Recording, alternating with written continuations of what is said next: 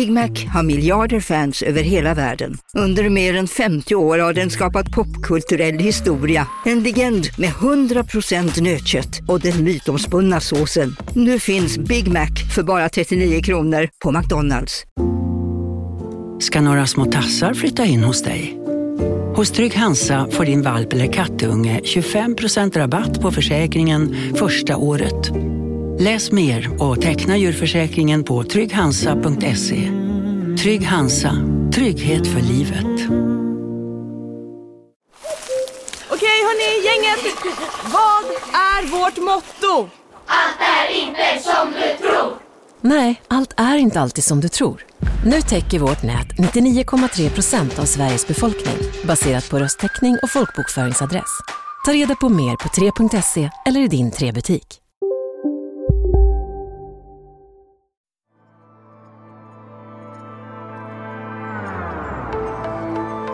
Det är en ljummen höstkväll i Paris. Uteserveringen vid den lokala bistron La Belle Equipe i ett av Paris stimmiga partykvarter fylls på med människor. I ett av sällskapen som slår sig ner vid borden finns den 23-åriga Nohemi Gonzales, en amerikansk utbytesstudent. Det var bara två månader sedan hon landade i modehuvudstaden och nu är studierna i design på rull. Hon trivs och hon har fått nya vänner. Men kvällen på uteserveringen, som börjat så bra, kommer att få ett tragiskt slut. France is being gripped by an unfolding drama of unprecedented violence. Police have now confirmed at least four attacks in the city of Paris. Totalt dödas 130 människor runt om i Paris samma kväll och över 400 skadas svårt. Nohemi Gonzales är det enda amerikanska dödsoffret. Terrordådet i Paris den 13 november 2015 kommer gå till historien som den dödligaste attacken i Frankrike sedan andra världskriget. Det är terrororganisationen IS som tar på sig dådet. Men historien slutar inte där.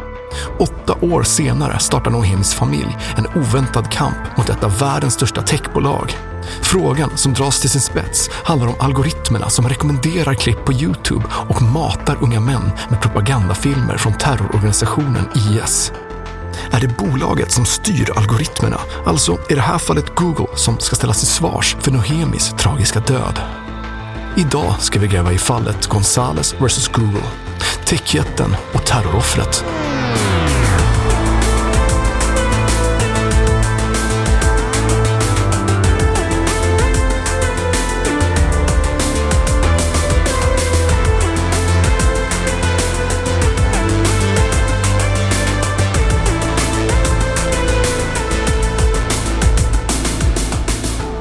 Är Månskott, podden om vår tids techfenomen och de oväntade konsekvenserna. Jag heter Jakob Lovén. Och jag heter Katarina Andersson.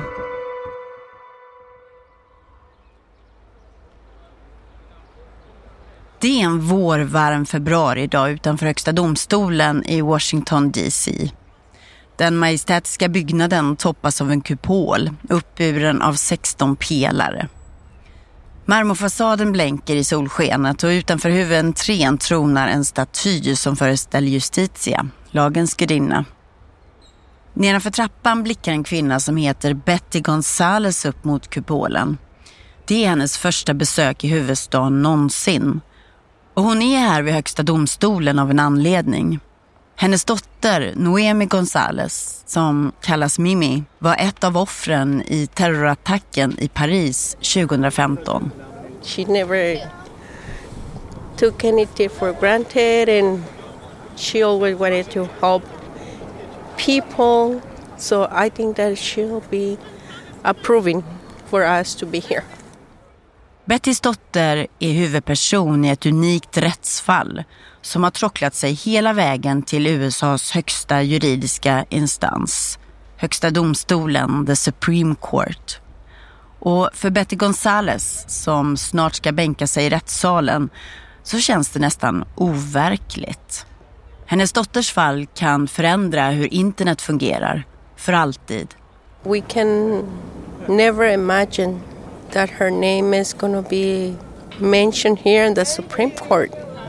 And there's the possibility that um, the way that social media direct the information right now, it can be changed forever. Because of her? Because of her, yes.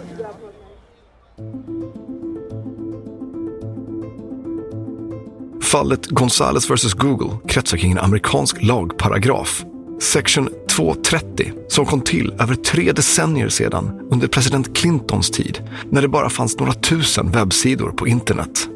Och det var tydligt att de redan då visste att internet var början på något stort och att det behövdes en ny kommunikationslag. We know that the bill President Clinton is about to sign today will touch the life of every American and will help shape our economy, our society, and our democracy for the 21st century.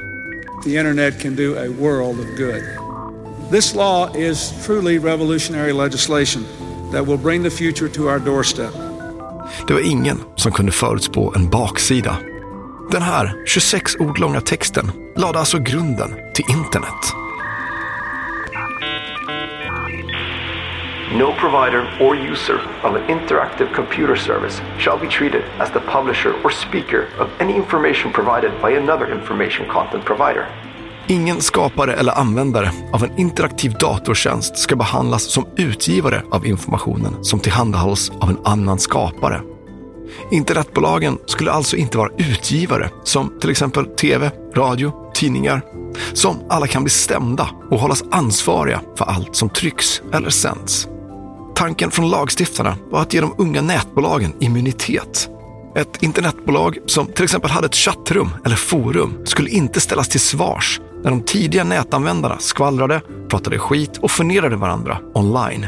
Nätbolagen skulle istället ses som neutrala plattformar och fick alltså en slags skyddspansar mot att bli stämda till höger och vänster. Och det är svårt att se att internet skulle ha tagit den roll som det har idag om Section 230 inte fanns. För såklart hade företagen blivit överförsiktiga och den här diskussionen och debatten kanske aldrig skulle fått skapas på de här plattformarna från början. Och det här var ju ett av internets starkaste löften. Att alla skulle få en röst. Men kruxet är att techbolag som Google, Twitter och Meta har fått en enorm makt idag. Alltså det som de små sajterna i internets begynnelse, de som lagen var skriven för, inte hade. Istället är det de mäktigaste företagen i världen som fått vidsträckt immunitet. Och många hävdar att om vi ska få stopp för skadligt innehåll online krävs snarare ett skydd för onlinejättarna. Incitament som får dem att jobba för att plocka bort hot och hat mycket fortare. Åtminstone inte en paragraf som ger dem fritt spelrum.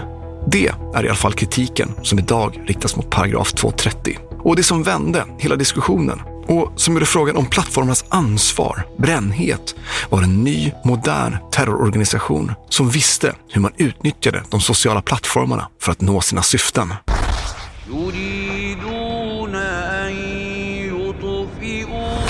Okay, I am recording. Vi ska introducera en viktig person för oss i den här historien. Journalisten Dina Temple Reston som har följt fallet med Noemi Gonzales på nära håll. Gonzalez versus Google is a really interesting case for me because for almost 15 years, I was the counterterrorism correspondent for National Public Radio, which is like the BBC of America. Idag är hon programledare för podcasten Click Here. I'm Dina Temple Raston, and this och hon is har bevakat terrorbrott och terrororganisationer i över 15 år. And what this case is really focused on is ISIS. You know, this this terrorist group that came up out of nowhere in 2013 and took the world by storm. Och en sak som vi snabbt lärde oss om IS var att de var duktiga på PR. De hade välskötta konton på sociala medier och de demonstrerade sin makt skickligt.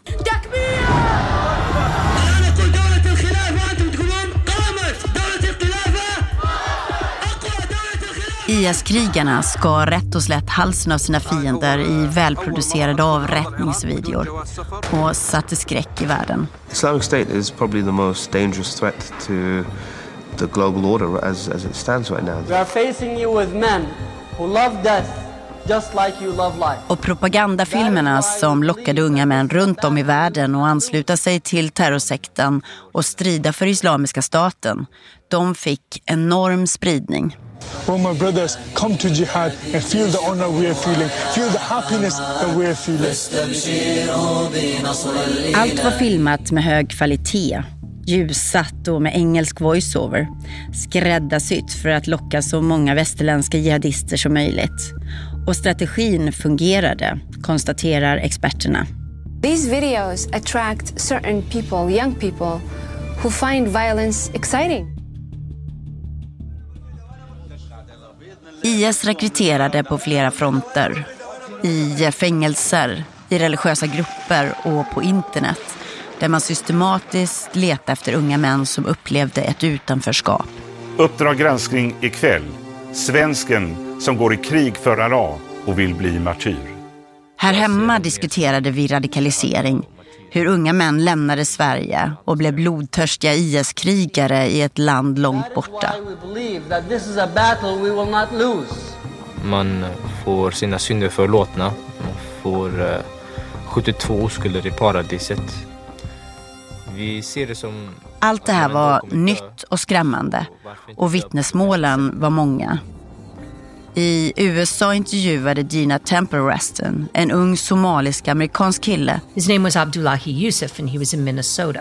Som köpt biljett och var på vippen att sätta sig på ett plan till Syrien efter att ha matats med propagandavideo efter video på Youtube. And I had sort of a three or four hour interview with him in which he explained to me how this nice Somali American from Minnesota ended up almost getting on a plane and going to join ISIS. And what he told me is that when he was introduced to these ISIS videos by his friends, they would keep looping. There would be one, he'd think that would be it, and then another one would come up, and then another one, and then another one, and he was hooked. For hours he watched it. Och i Sverige åkte unga män som övertygats om att jihad var den rätta vägen. Många kom aldrig tillbaka. Att packa väskan var en skön känsla faktiskt. Har du gjort det redan? Ja, jag, jag har gjort det redan. Adam, som han kallades, intervjuades i Uppdrag granskning. Och i intervjun säger han att han vill bli martyr. Winning the physical battle is only a matter of time. 90-95 procent eller 98 procent av alla engelsktalande mujahedin de har bestämt sig för att åka på jihad på grund av att de lyssnar på han. I slutet av 2015 hade IS lyckats locka till sig 30 000 unga män från 85 olika länder runt om i världen. IS internationella rekryteringar blev ett globalt fenomen som gav den unga terrororganisationen stora möjligheter att utföra attacker utanför Mellanöstern.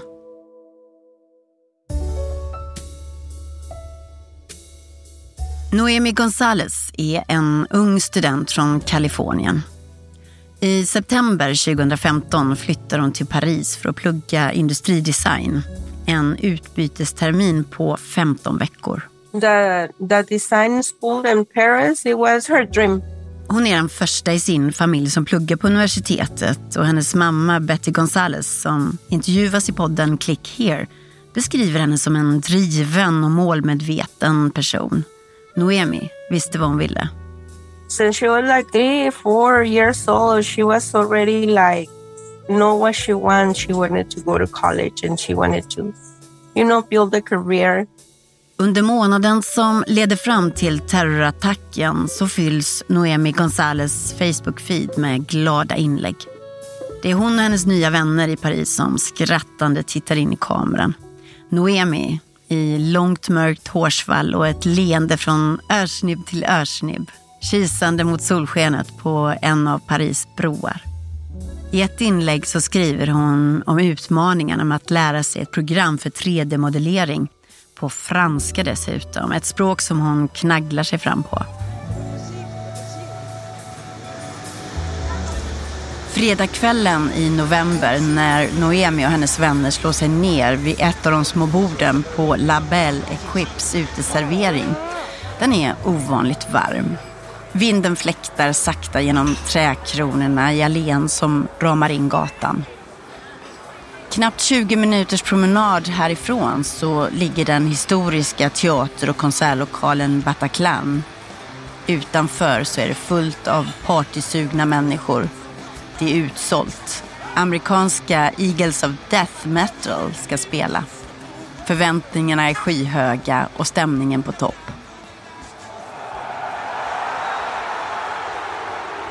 Samma sak är det på fotbollsarenan Stade de France. Frankrike spelar träningsmatch mot Tyskland den här kvällen och i publikhavet bland 80 000 andra åskådare så sitter Frankrikes president François Hollande.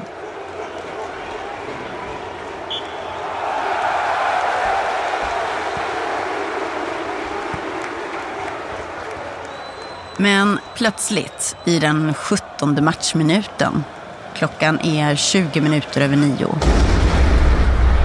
hörs en explosion från ena långsidan. På läktaren är reaktionen sval. Det är nog en bengal, en övertänd och exalterad klack. Matchen spelas vidare. Men tio minuter senare så kommer nästa smäll. Lite längre bort på samma långsida. President Hollande, flankerad av sina livvakter, förs ut från arenan. Människor på läktaren skruvar oroligt på sig. Vad är det som händer?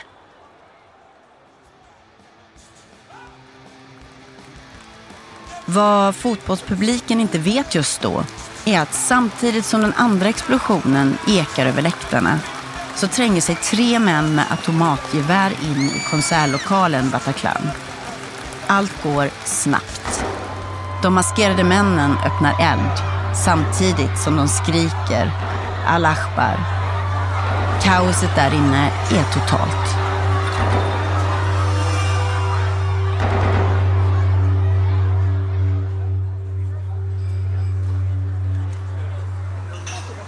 Noemi och hennes vänner på kaféet har än så länge inte förstått att Paris är under attack. De skrattar, pratar om livet, musik och framtidsplaner. Plötsligt gasar en svart bil förbi uteserveringen. Någon skjuter. Panik utbryter och gästerna försöker ta skydd bakom stolar och bord. I kaoset så lyckas Noemis vänner fly men själv träffas hon av kulorna. Hon blöder kraftigt och är medvetslös när ambulansen kommer. Noemi Gonzales liv går inte att rädda. Hon dör på väg till sjukhuset. Good evening. We start with the breaking news out of Paris and what, at least at this moment, looks to be a city under terror attack on several fronts. We're hearing reports of shooters moving through that concert hall where the hostages were apparently taking, killing people one by one. People are taking to social media to say, someone, please help us. Unless during the last few... Oui, bonjour, excusez-moi de vous déranger. Il y a eu une fusillade en 89 rue de Charest. Sammanlagt sker sex koordinerade attacker i Paris den här kvällen, den 13 november 2015. Och 130 människor mister livet. She's sitting in a cafe on the wrong day in November 2015. And I covered those attacks. I came in a day after they happened. And it was so random that she would happen to be at the wrong cafe at the wrong time and get shot.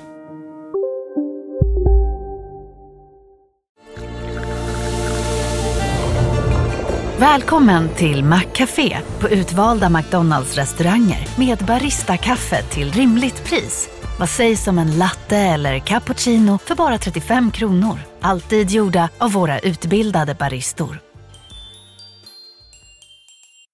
Hej Sverige! Apoteket finns här för dig och alla du tycker om. Nu hittar du extra bra pris på massor av produkter hos oss. Allt för att du ska må bra. Välkommen till oss på Apoteket. Hej, Synoptik här. Livet med glasögon ska vara bekymmersfritt. Därför får du 30% på alla glasögon när du väljer Synoptik All Inclusive. All service ingår alltid. Välkommen till Synoptik.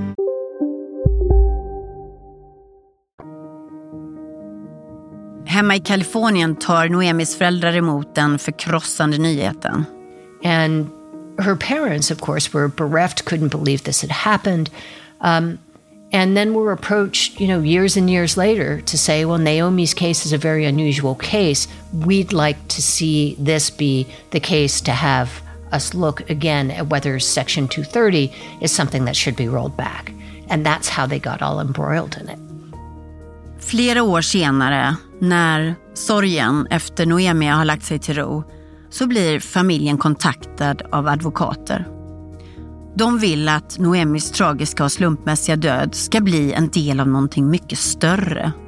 En ung tjej från Kalifornien som var på fel plats vid fel tid kommer att bli ansiktet utåt för ett alldeles unikt fall.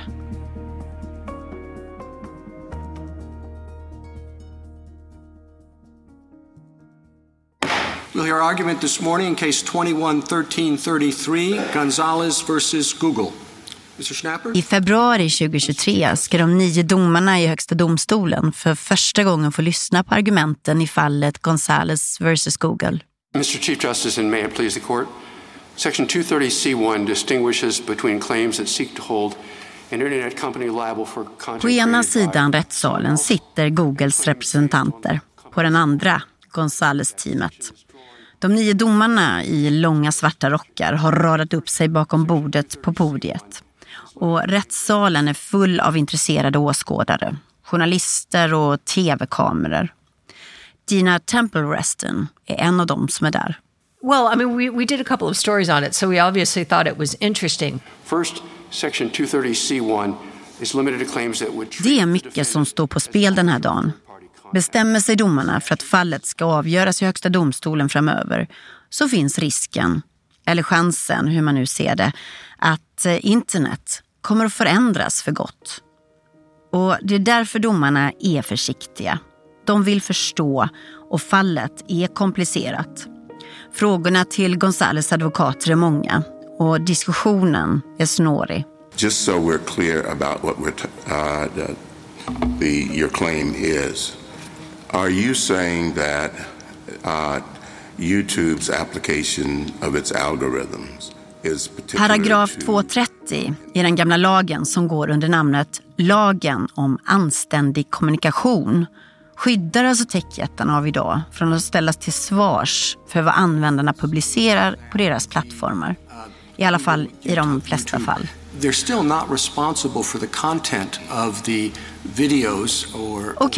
menar Gonzales-teamet. Men borde inte techplattformarna åtminstone vara ansvariga för vad de rekommenderar via sina algoritmer?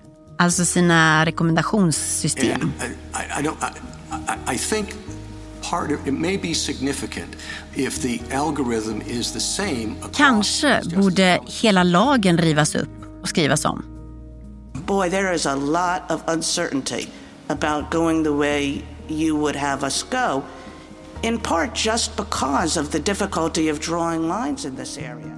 Men å andra sidan, om lagen ska rivas upp, då finns risken att det som är bra med ett brett skydd för techbolagen bara går förlorat.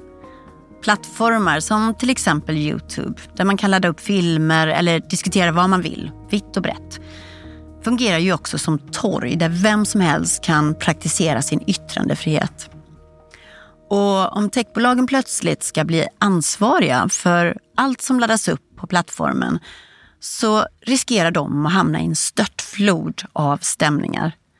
Och det i sin tur kan betyda att de blir överförsiktiga, att de censurerar för hårt och att yttrandefriheten begränsas och kvävs. And just because of the fact that once we go with you, all of a sudden we're finding that Google isn't protected. Det är sådana tankar som domarna där framme på podiet knådar. uh, Diskussionen är bitvis förvirrad. Och det är tydligt att landets nio högsta jurister tycker att det här är mer än komplicerat. You know, everybody is trying their best to figure out how this statute applies.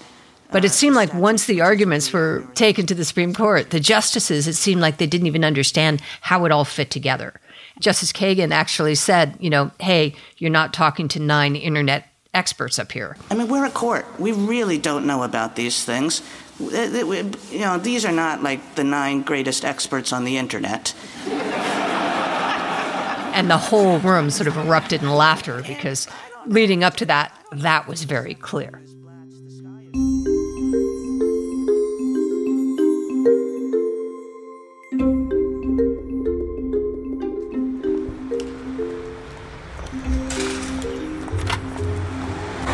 Gör en liten avstickare och ska tillbaka till Stockholm, Sverige. Hej! aldrig här liksom många rum. Inte jag heller. Det här är vår reporter Linnea Wannefors som träffar Engla Pendel Hej Engla! Trevligt Linnea. som är advokat och expert på just nätjuridik. Vatten. Vill du ha en Cola Zero? Hemskt gärna. Ska vi hämta en? Ja, hemskt Hon följer fallet Gonzales vs Google och förstår varför hela rättssalen i Washington börjar skratta åt domarna som medger att de inte precis är några internetexperter. Det är spännande att se hur juridiken kämpar med att, att komma ikapp med samhället och utvecklingen. Att det är svårt för domarna där i Högsta domstolen att ta ställning till om de överhuvudtaget vill ta upp fallet med något så pass insyltat och svårt som regel 230 och plattformarnas ansvar, det förstår Engla Pendel. Knäckfrågan här handlar alltså om Youtubes rekommendationer. Alltså alltid när plattformen lär sig vad vi tycker om, att det kommer liknande videos. Ska du gifta dig kommer bara videos på bröllop. Ska, är du på väg att skaffa barn, då märker de det. Så börjar det komma bara barnvideos eller gravidvideos. Så, eh, tycker du om skidåkning så får du bara skidåkning. Då har det varit en stor debatt om samma gäller eh, terrorismpropaganda och terroristinnehåll. Att om du tittar på en viss video så leds du in i en radikalisering där du får fler och fler videos och innehåll som, som då på något sätt skulle kunna leda till att du radikaliseras och begår terroristrelaterade handlingar. Och frågan i det här målet är helt enkelt vilket ansvar har plattformarna för det? Men hur ser det ut i Sverige då? Som har en av de mest vidsträckta yttrandefrihetslagarna i världen inskriven i grundlagen. Har vi någon variant av paragraf 230 i svensk lag? Vi säger att en svensk skulle varit i Paris istället. Och två svenska föräldrar stämmer en plattform. Va, va, vad skulle hända?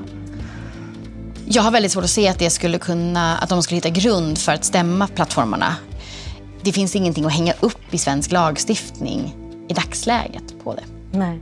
I Sverige har i princip ingen lagstiftning när det kommer till spridandet av internet, eh, terroristpropaganda. Alltså du får inte uppmuntra till att eh, gå med eh, eller värva personer till terrorism eller terroristorganisationer. Men, men vi har i princip ingen lagstiftning för plattformarnas ansvar kring det här. Eller vi har inte det. Vad som får och inte får sägas på plattformar som Youtube har varit en svår nöt att knäcka för nätjättarna. Länge försökte de luta sig mot argumentet “We are just a platform”, alltså just det som den amerikanska lagen och paragraf 230 säger. Nätbolagen har inget ansvar för det som publiceras. Men den hållningen visade sig vara omöjlig att hålla fast vid. Efter skandaler som Cambridge Analytica och hatkampanjer som ledde till folkmord i Myanmar och en livesänd massskjutning i Nya Zeeland stod det klart och tydligt för såväl beslutsfattare som för allmänheten att plattformarna måste ta ett eget ansvar. Och det har blivit mycket bättre. På många sätt har plattformarna tagit sitt ansvar och anställt tiotusentals moderatorer och skapat AI-verktyg som ska rensa bort skadligt innehåll som laddas upp. Men arbetet att rensa nätet från skit kommer aldrig ta slut. Och om vi vill ha ett öppet internet, vad är vi beredda att betala?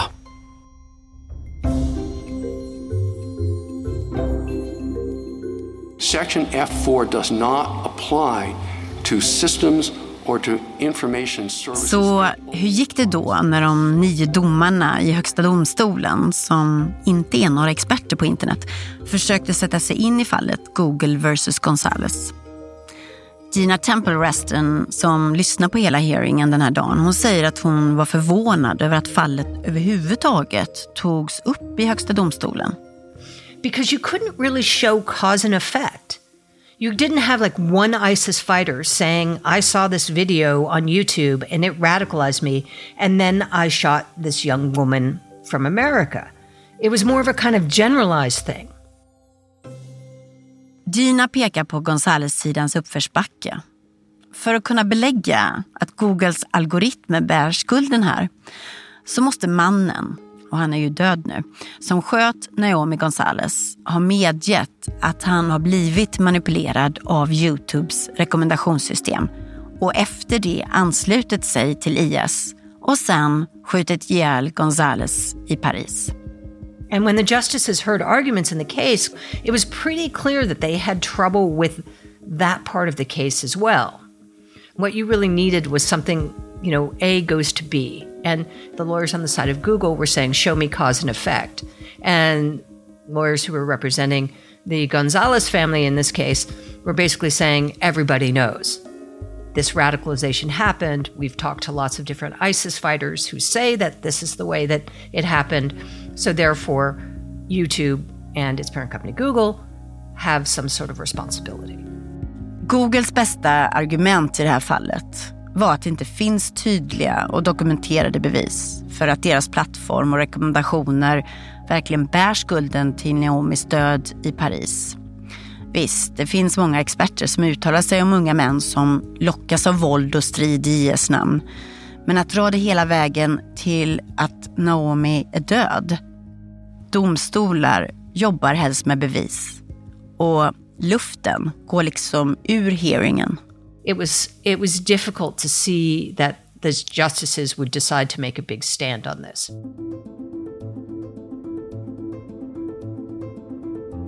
I EU har frågan om plattformarnas ansvar för det som publiceras online rundat domstolarna. Istället har politikerna tagit tag i problemet genom lagstiftning. Sommaren 2022 trädde en förordning i kraft som innebär att techplattformar är skyldiga att ta bort terroristpropaganda som laddats upp. Och det inom en enda timme. Det som är problematiskt med den här lagstiftningen som har ifrågasatts väldigt mycket det är ju vad är en terroristorganisation? Vad är terroristinnehåll? Och att den här en timmes regeln innebär att det finns en stor risk för övercensur istället. Att plattformarna med risk för höga sanktioner blir överförsiktiga helt enkelt. Man kallar det en chilling effekt och det innebär då att man skulle överblockera och att det fria ordet därför skulle begränsas kanske i för hög utsträckning. Så hur man än försöker så blir det komplicerat verkar det som. Engla Pendel tycker ändå att utvecklingen går i rätt riktning. Digital Services Act är ju en enorm, enorm händelse. DSA röstades igenom i EU-parlamentet och är ett lagpaket som träder i kraft 2023 och 2024. Och det träffar olika typer av företag som på olika sätt förmedlar information och jobbar med internet. Men det man framförallt pratar om är de som kallas VLOPs, Very Large Online Platforms. VLOPs. VLOPs. Det var ett nytt ord. Ja. så Google, Facebook och Twitter och andra, grattis. Från och med nu så kallas ni VLOPs. Så det Digital Services Act gör, det är att den delar upp plattformarna i olika kategorier. Och baserat på de här kategorierna som företagen placeras in i så ställer man olika krav avseende transparens, man ska förstå hur deras algoritmer funkar och viktigast av allt då eh, innehållsmodereringen. Alltså att man ska eh, ha en skyldighet att agera på viss typ av innehåll. Hur det här kommer funka rent i praktiken, det återstår ju att se. Men, men det här är ett beslutat regelverk och det är det absolut första stora steget i att definiera plattformarna och de här tjänsterna. Mm. Jag tror att vi kommer få se många fall för att man vill testa lagstiftningen när, när den sen kommer på plats? Jag tror att det kommer ske inom andra länder i Europa. Jag tror inte, jag skulle gissa att Tyskland och framförallt Frankrike kommer vara tidigt ute med att testa lagstiftningen. De har tidigare haft nationell lagstiftning och liknande fall där man just har utmanat plattformarna och deras roll och skyldigheter att ta bort innehåll. I Sverige så är vi lite mer försiktiga. Vi har en långtgående yttrandefrihet och vi har som sagt saknat lagstiftning helt rörande vad plattformarna är och hur de behöver agera i relation.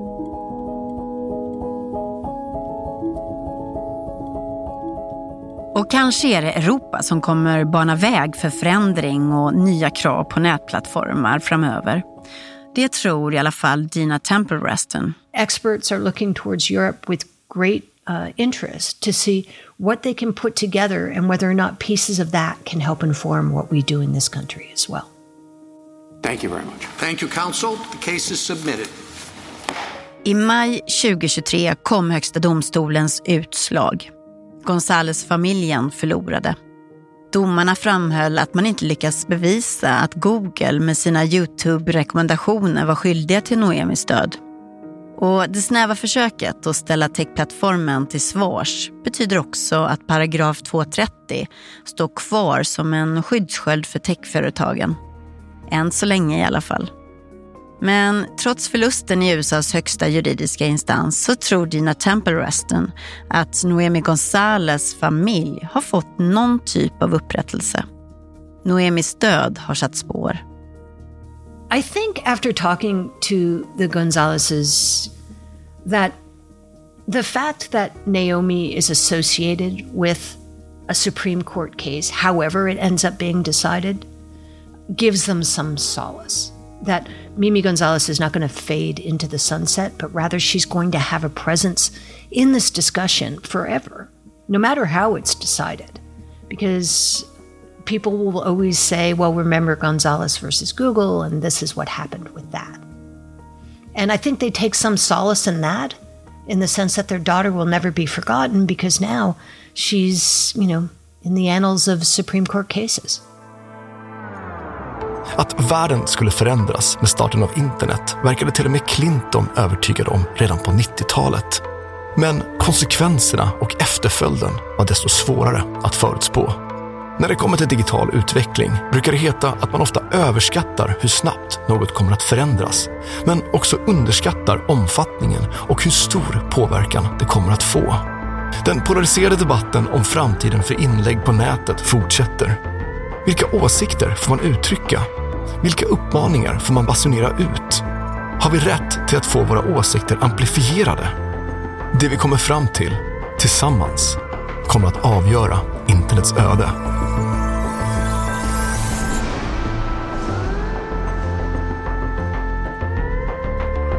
Du har lyssnat på Månskott, podden om vår tids techfenomen och de oväntade konsekvenserna. Vi som gjort podden är Katarina Andersson, Linnea Wannefors, Kristoffer Folin och jag, Jakob Lovén. Fler avsnitt hittar du som alltid på Norio. Och med koden MANSKOTT kan du nu testa 30 dagar gratis när du laddar hem Norio-appen.